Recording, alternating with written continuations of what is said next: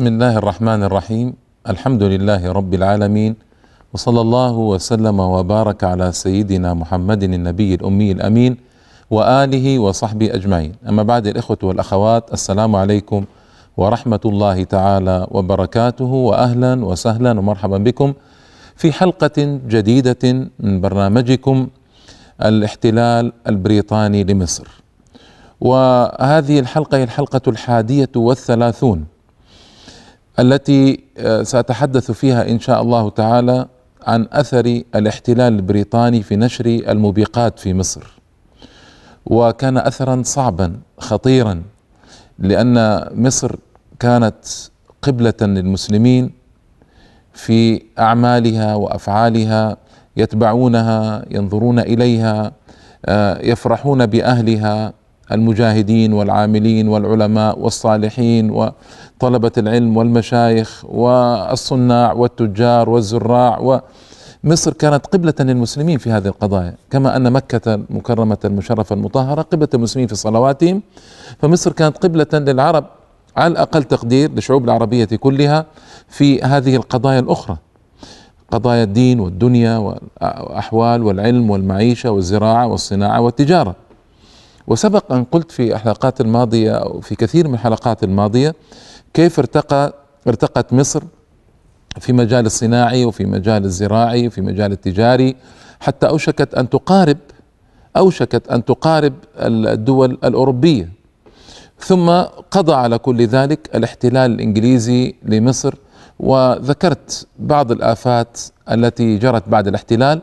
منها تدمير الجيش المصري ومنها خداع العالم خداع بريطانيا العالم في انها تريد أن تجلو من مصر وهي كانت تنوي الاستقرار فيها. اليوم في هذه الحلقة وما يتبعها من حلقات إن شاء الله تعالى في هذا الموضوع نفسه سأتحدث عن أثر خطير جدا وهو عمل الاحتلال وأثره في نشر الموبقات في مصر. كما نعلم أن الإنجليز قوم من الكفار الذين انقطعت صلتهم بالله تعالى. وهذه حقيقة لابد أن يعرفها الإخوة والأخوات. الكفار الأوروبيون انقطعت صلتهم بالله تعالى حتى على مذهبهم ودينهم. أنا أتحدث الآن عن عن دينهم نفسه. فأوروبا كانت قد عمها موجة كبيرة من الإلحاد بعد الثورة الفرنسية الكبرى وما جرى بعدها. بعد الثورة الفرنسية الكبرى برزت قرون الإلحاد في أوروبا. وظهر التشكيك في الله تعالى وفي اليوم الآخر. وانقطعت صلة الناس بالله عمليا. فكان من يريد التعبد أو الصلة بالله تعالى يذهب إلى الكنيسة. وما عدا درس الكنيسة في يوم الأحد فالقوم ليس لهم صلة بالله. هذا ومن يرتاد الكنائس قلة. اليوم أصبحوا ندرة. في الزمن الماضي كانوا قلة. وتوترت العلاقة جدا بين الكنيسة وبين الشعب. أو الشعوب الأوروبية كلها. بريطانيا بروتستانتية ولها تقليدها المعين وملكة رسميا هي حامية حمى البروتستانتية في بريطانيا هذا رسمي منصب رسمي القوم يضحكون علينا ويقولون نحن علمانيون وهم في ذلك كذبة النصرانية عندهم حمية وعندهم النصرانية صارت حمية ومثل حمية الجاهلية يتكئون عليها ويستندون. وقوم هكذا شأنهم وحالهم. لم يعد الدين في حياتهم مؤثرا ومسيطرا ولا موجها ولا مرشدا. قوم هذا حالهم ليس غريبا اذا أن ينغمسوا في الفواحش والموبقات والمساوئ ولا يتكئون في كل ذلك على دين ولا يؤمنون في كل ذلك بآخرة. وإن آمنوا فإيمانهم مشوش مختلط فيه شك كبير وريب يخرجهم من الملة عمليا جاءوا بهذه الآفات إلى مصر. مصر في فيها شعب يؤمن بالله واليوم الآخر. الأغلبية الساحقة فيه أغلبية مسلمة. أكثر شعبها مستقيم محافظ لا يعرف هذه الموبقات. ربما لا يكون ملتزم بالإسلام التزام التام إلا نسبة معينة من الشعب المصري آه لكن باقي الشعب شعب مستقيم ومحافظ وغيور على دينه محب لدينه. آه الآفات موجودة في كل شعب وفي كل زمن وفي كل مكان لكن تبقى مستترة تبقى في نسبة معينة من الشعب. الربا والمخدرات والخمور والزنا موجودة في كل زمان ومكان هذه لا يمكن أن تنفى. لكنها في فئة محددة قليلة. فئة تخجل من إظهارها. فئة تأنف من أن تنتسب إلى هذا. الاحتلال جاء. ماذا صنع؟ كبر هذه النسبة وهذه الفئة جعلها فئة كبيرة في المجتمع المصري كما لم يعهد من قبل ورفع رأس الذين يفعلونها. صاروا لا يستحيون من فعلها ولا يخجلون. صاروا لا يأنفون من أن تنسب إليهم. عم الفساد إلى درجة يصعب تصديقها. وتقول لي الآن الحال أحسن أو في ألف ومئتين وتسعة وتسعين أو ألف ثمانمائة اثنين وثمانين؟ ميلادي ألف ومئتين تسعة وتسعين هجري. أقول لك الآن الحال أفضل. ربما تتعجب من هذا الكلام لكن فعلا الآن الحال أفضل بكثير. الآن في مصر وفي كل الدول العربية لكن كلام عن مصر وهي دولة رائدة كبيرة في العالم العربي والإسلامي. اليوم ما يمكن الإنسان يرفع رأسه ويفخر بأنه يشرب الخمر أو أن يزني أو أن يرابي أو أن يقامر أو أن يحضر حفلات المختلطة والرقص. أبدا. يفعل هذا بعضهم لكن لا يرفع بذلك رأسا ولا يعجب بنفسه وبحاله وبشأنه للأسف بعد الاحتلال الإنجليزي لمصر هذا هذه انتشرت بلا حياء ولا خجل ولا وجل ورفع كثير من الناس بها رؤوسهم ولم يعودوا ينظرون إليها على أنها حرام بل لم يعودوا ينظرون إليها على أنها عيب. والسبب المباشر في ذلك هو الاحتلال الإنجليزي ومجيء أقوام كما قلت لكم ليست لهم صلة بالله تعالى لا يؤمنون في الحقيقة بها أن هذه محرمات ينغمسون فيها انغماسا أرادوا أن يستمتعوا في مصر كما يستمتعون في بريطانيا أرادوا أن يجذبوا طبقات من الشعب المصري إليهم من أجل إفساد الشعب المصري من أجل أن يسلس قياده من أجل أن يستجيب لهذه لهذا الاحتلال ولتشريعاته وقراراته وامتصاص ثروات مصر كان لابد من أن تنشأ طبقة موالية لبريطانيا. طبقة موالية ليس فقط من الناحية السياسية من ناحية اجتماعية من ناحية شرب الخمور والربا والقمار والزنا والآفات الاجتماعية الخطيرة هذه والموبقات الشرعية لابد أن تظهر هذه الفئة حتى تستطيع بريطانيا أن تطمئن إلى موقعها في مصر وتطمئن إلى أنه ليس هنالك من المصريين آه، من يستطيع أن يقف في وجهها كقوة ضاربة آه، متغلغلة في الشعب المصري. وسآتي على أمثلة في هذه الحلقة حلقة إن شاء الله تعالى في الحلقات وبعض الحلقات المقبلة توضح بجلاء ماذا جرى للمجتمع المصري. وهذا الذي نزل بالمجتمع المصري نزل بكل المجتمعات العربية بالمناسبة بدرجات مختلفة وبنسب مختلفة وبأزمنة متطاولة. مصر ابتليت بالاحتلال الإنجليزي مبكرا. قبلها الجزائر ابتليت قبل مصر بخمسين سنة أو بثنتين وخمسين سنة ابتليت بالاحتلال الفرنسي. ونشر فيها الموبقات كما نشرها في مصر. يعني مصر ليست حالة استثنائية. إنما الحديث عنها في هذه الحلقات لكن ليست حالة استثنائية. هذا الذي جرى في مصر. جرى في المغرب جرى في الجزائر جرى في تونس جرى في ليبيا شيء منه. على يد الاحتلال الإيطالي آه، جرى في العراق جرى في فلسطين جرى في المحميات في الخليج جرى في كل مكان بنسب مختلفة ومتفاوتة. وهكذا الاحتلال إذا وطئت أقدامه الدنسة أي أرض إسلامية يعمد إلى تدمير الأخلاق والدين والقيم والمعتقدات ويعمد إلى تدمير مسائل الحلال والحرام وأيضا إلى مسائل الحياء ومسائل العيب عند الذي يعني ليس بمستقيم أو ليس بملتزم أو ليس بمستمسك في قضية الحلال والحرام هذه مستمسك في قضية العيب على الأقل. يحطمون هذه القضية في نفوسهم. أما الربا ففي الحقيقة تفشى في المجتمع المصري وتفشيه يعود لسببين رئيسين. سبب الضرورة وسبب حب البذخ وحب الظهور وحب مجاراة الطبقات العليا. وهذا بلاء ابتلينا به منذ أيام إسماعيل. وطبعا السيطرة الإنجليزية لم تكن فقط من الاحتلال بل كانت قبل ذلك بوقت طويل منذ أواخر عهد محمد علي وإجباره في معاهدة لندن سنة 1840 على فتح السوق المصرية أو على الادق فتح البلاد المصرية أمام الامتيازات الأجنبية وعلى راسها الامتيازات البريطانية. فبريطانيا ذات أثر تخريبي بعيد في المجتمع المصري قبل الاحتلال بمدة لا تقل بحال من الأحوال عن أربعين إلى خمسين سنة. وتكلمت عن حملة جو فريزر آه ألكسندر فريزر آه في 1807 يعني قبل هذا الاحتلال الأخير بخمس وسبعين سنة. فأطماع بريطانيا في مصر قديمة وإفساد بريطانيا آه، في مصر إفساد قديم. فالربا كان بالنسبة للحقيقة بالنسبة للفلاح.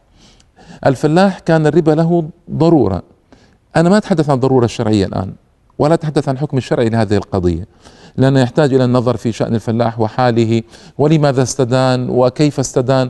لكن أقول وأنا أتحدث في التاريخ وأنا أيضا بفضل الله تعالى طالب علم طالب علم شرعي أقول وبثقة إنهم ألجأوا الفلاح إلجاء إلى الاستدانة بالربا. كيف؟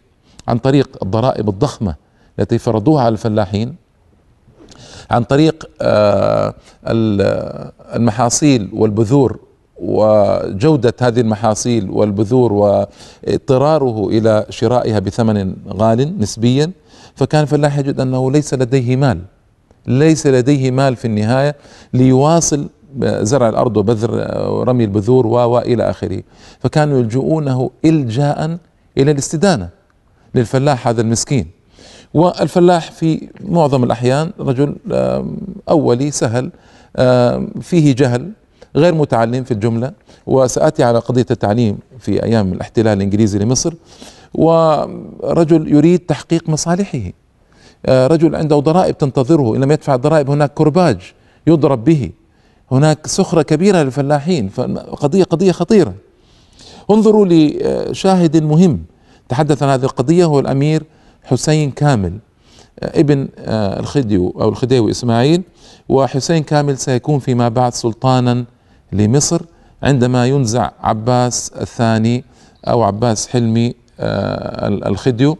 سيكون سلطانا على مصر بعد ذلك حسين كامل. لما كان اميرا آه، ذكر نصا مهما عن حالة الفلاح واستدانته بالربا سآتي عليه بعد الفاصل إن شاء الله تعالى.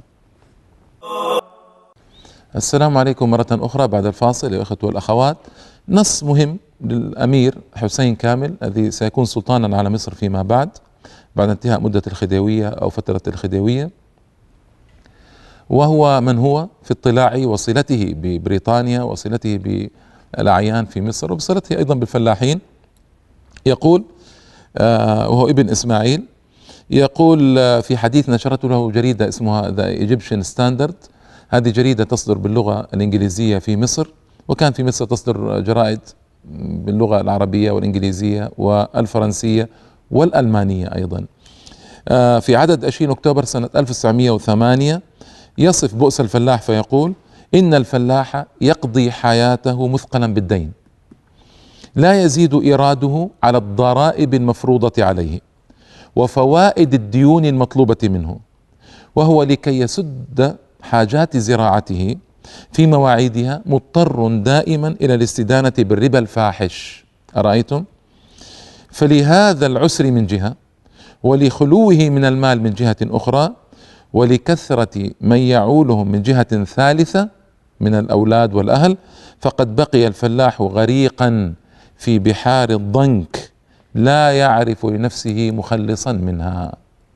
إن هذا الربا الربا يجرك إلى فوائد والفوائد تجرك إلى فوائد أعظم وإلى فوائد أكثر إلى أن يحاط بالمرء تماما. نسأل الله العافية والسلام. يحاط به تماما.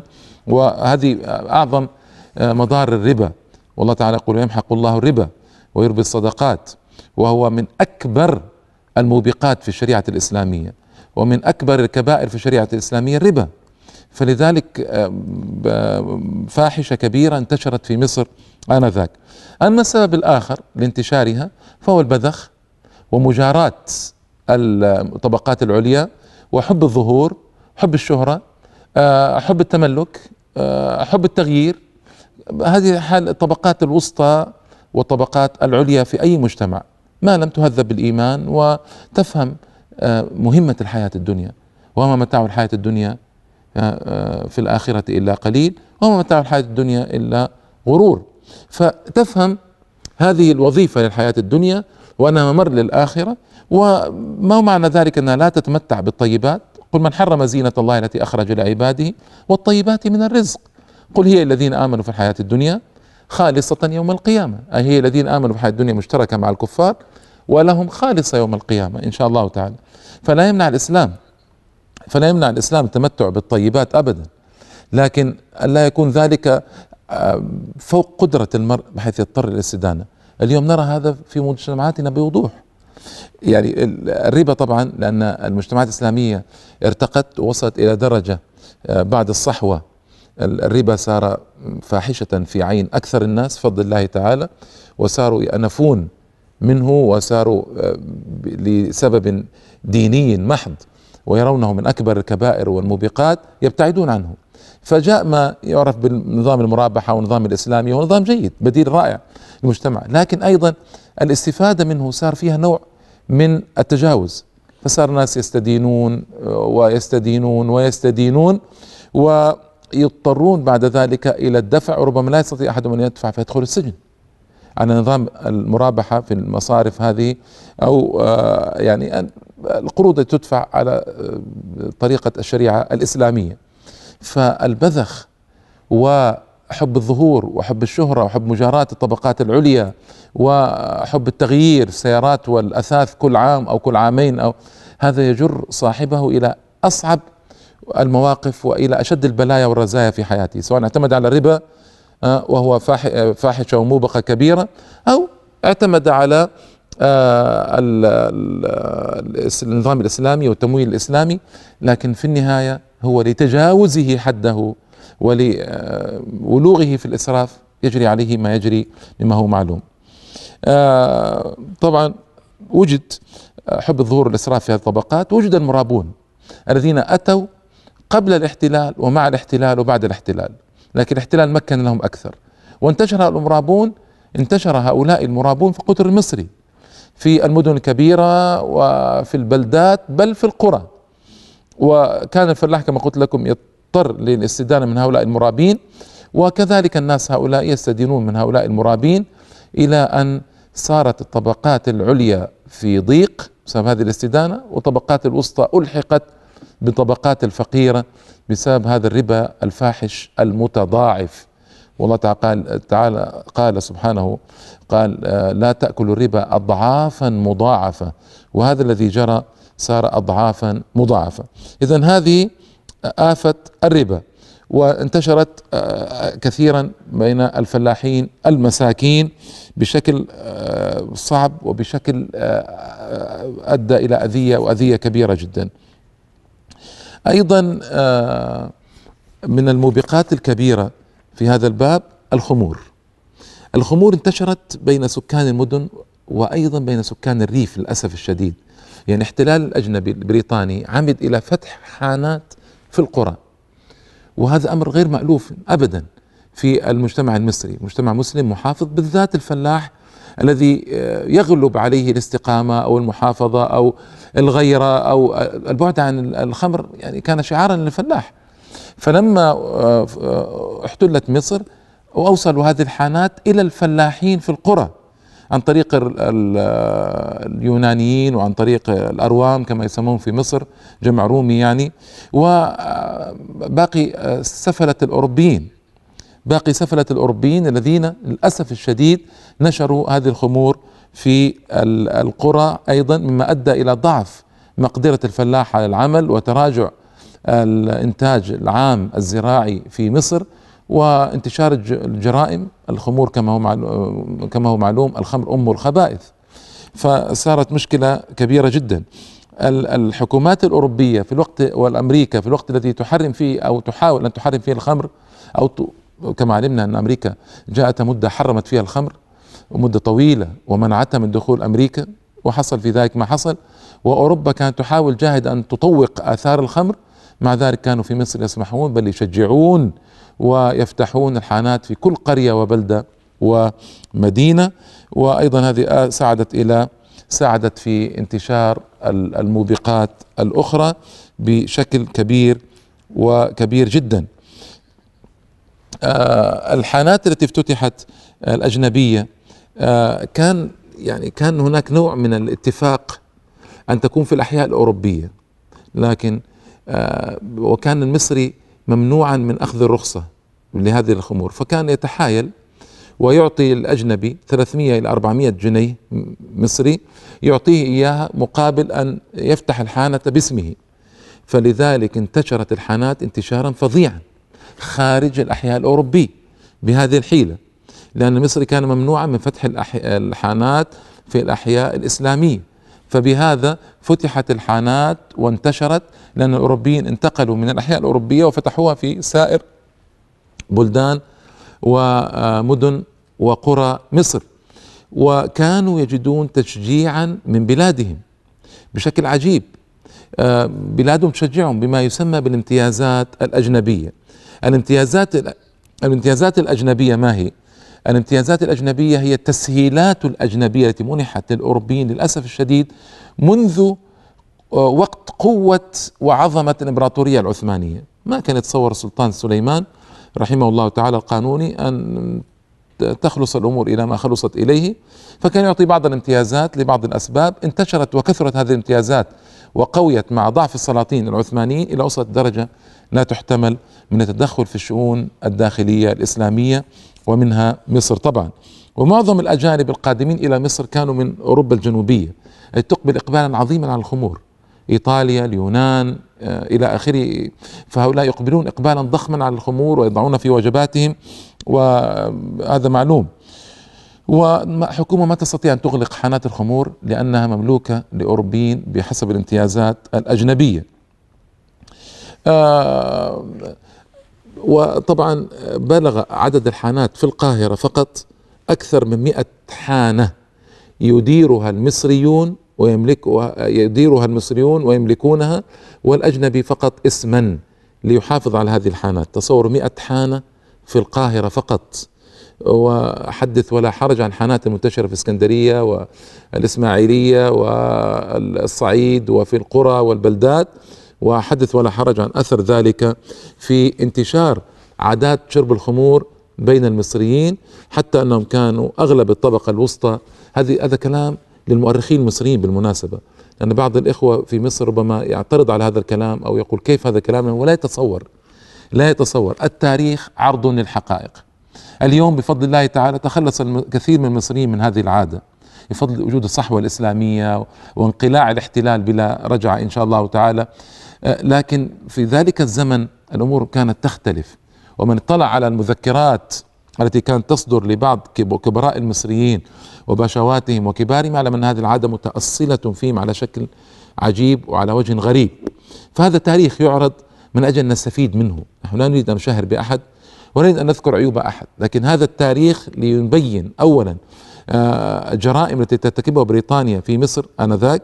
ومرة أخرى لنبين كيف إذا ابتعد الناس عن الإسلام وانساقوا وراء الاحتلال الأجنبي وراء موبقاته وراء فواحشه كيف يحدث آه الاختلال في المجتمع؟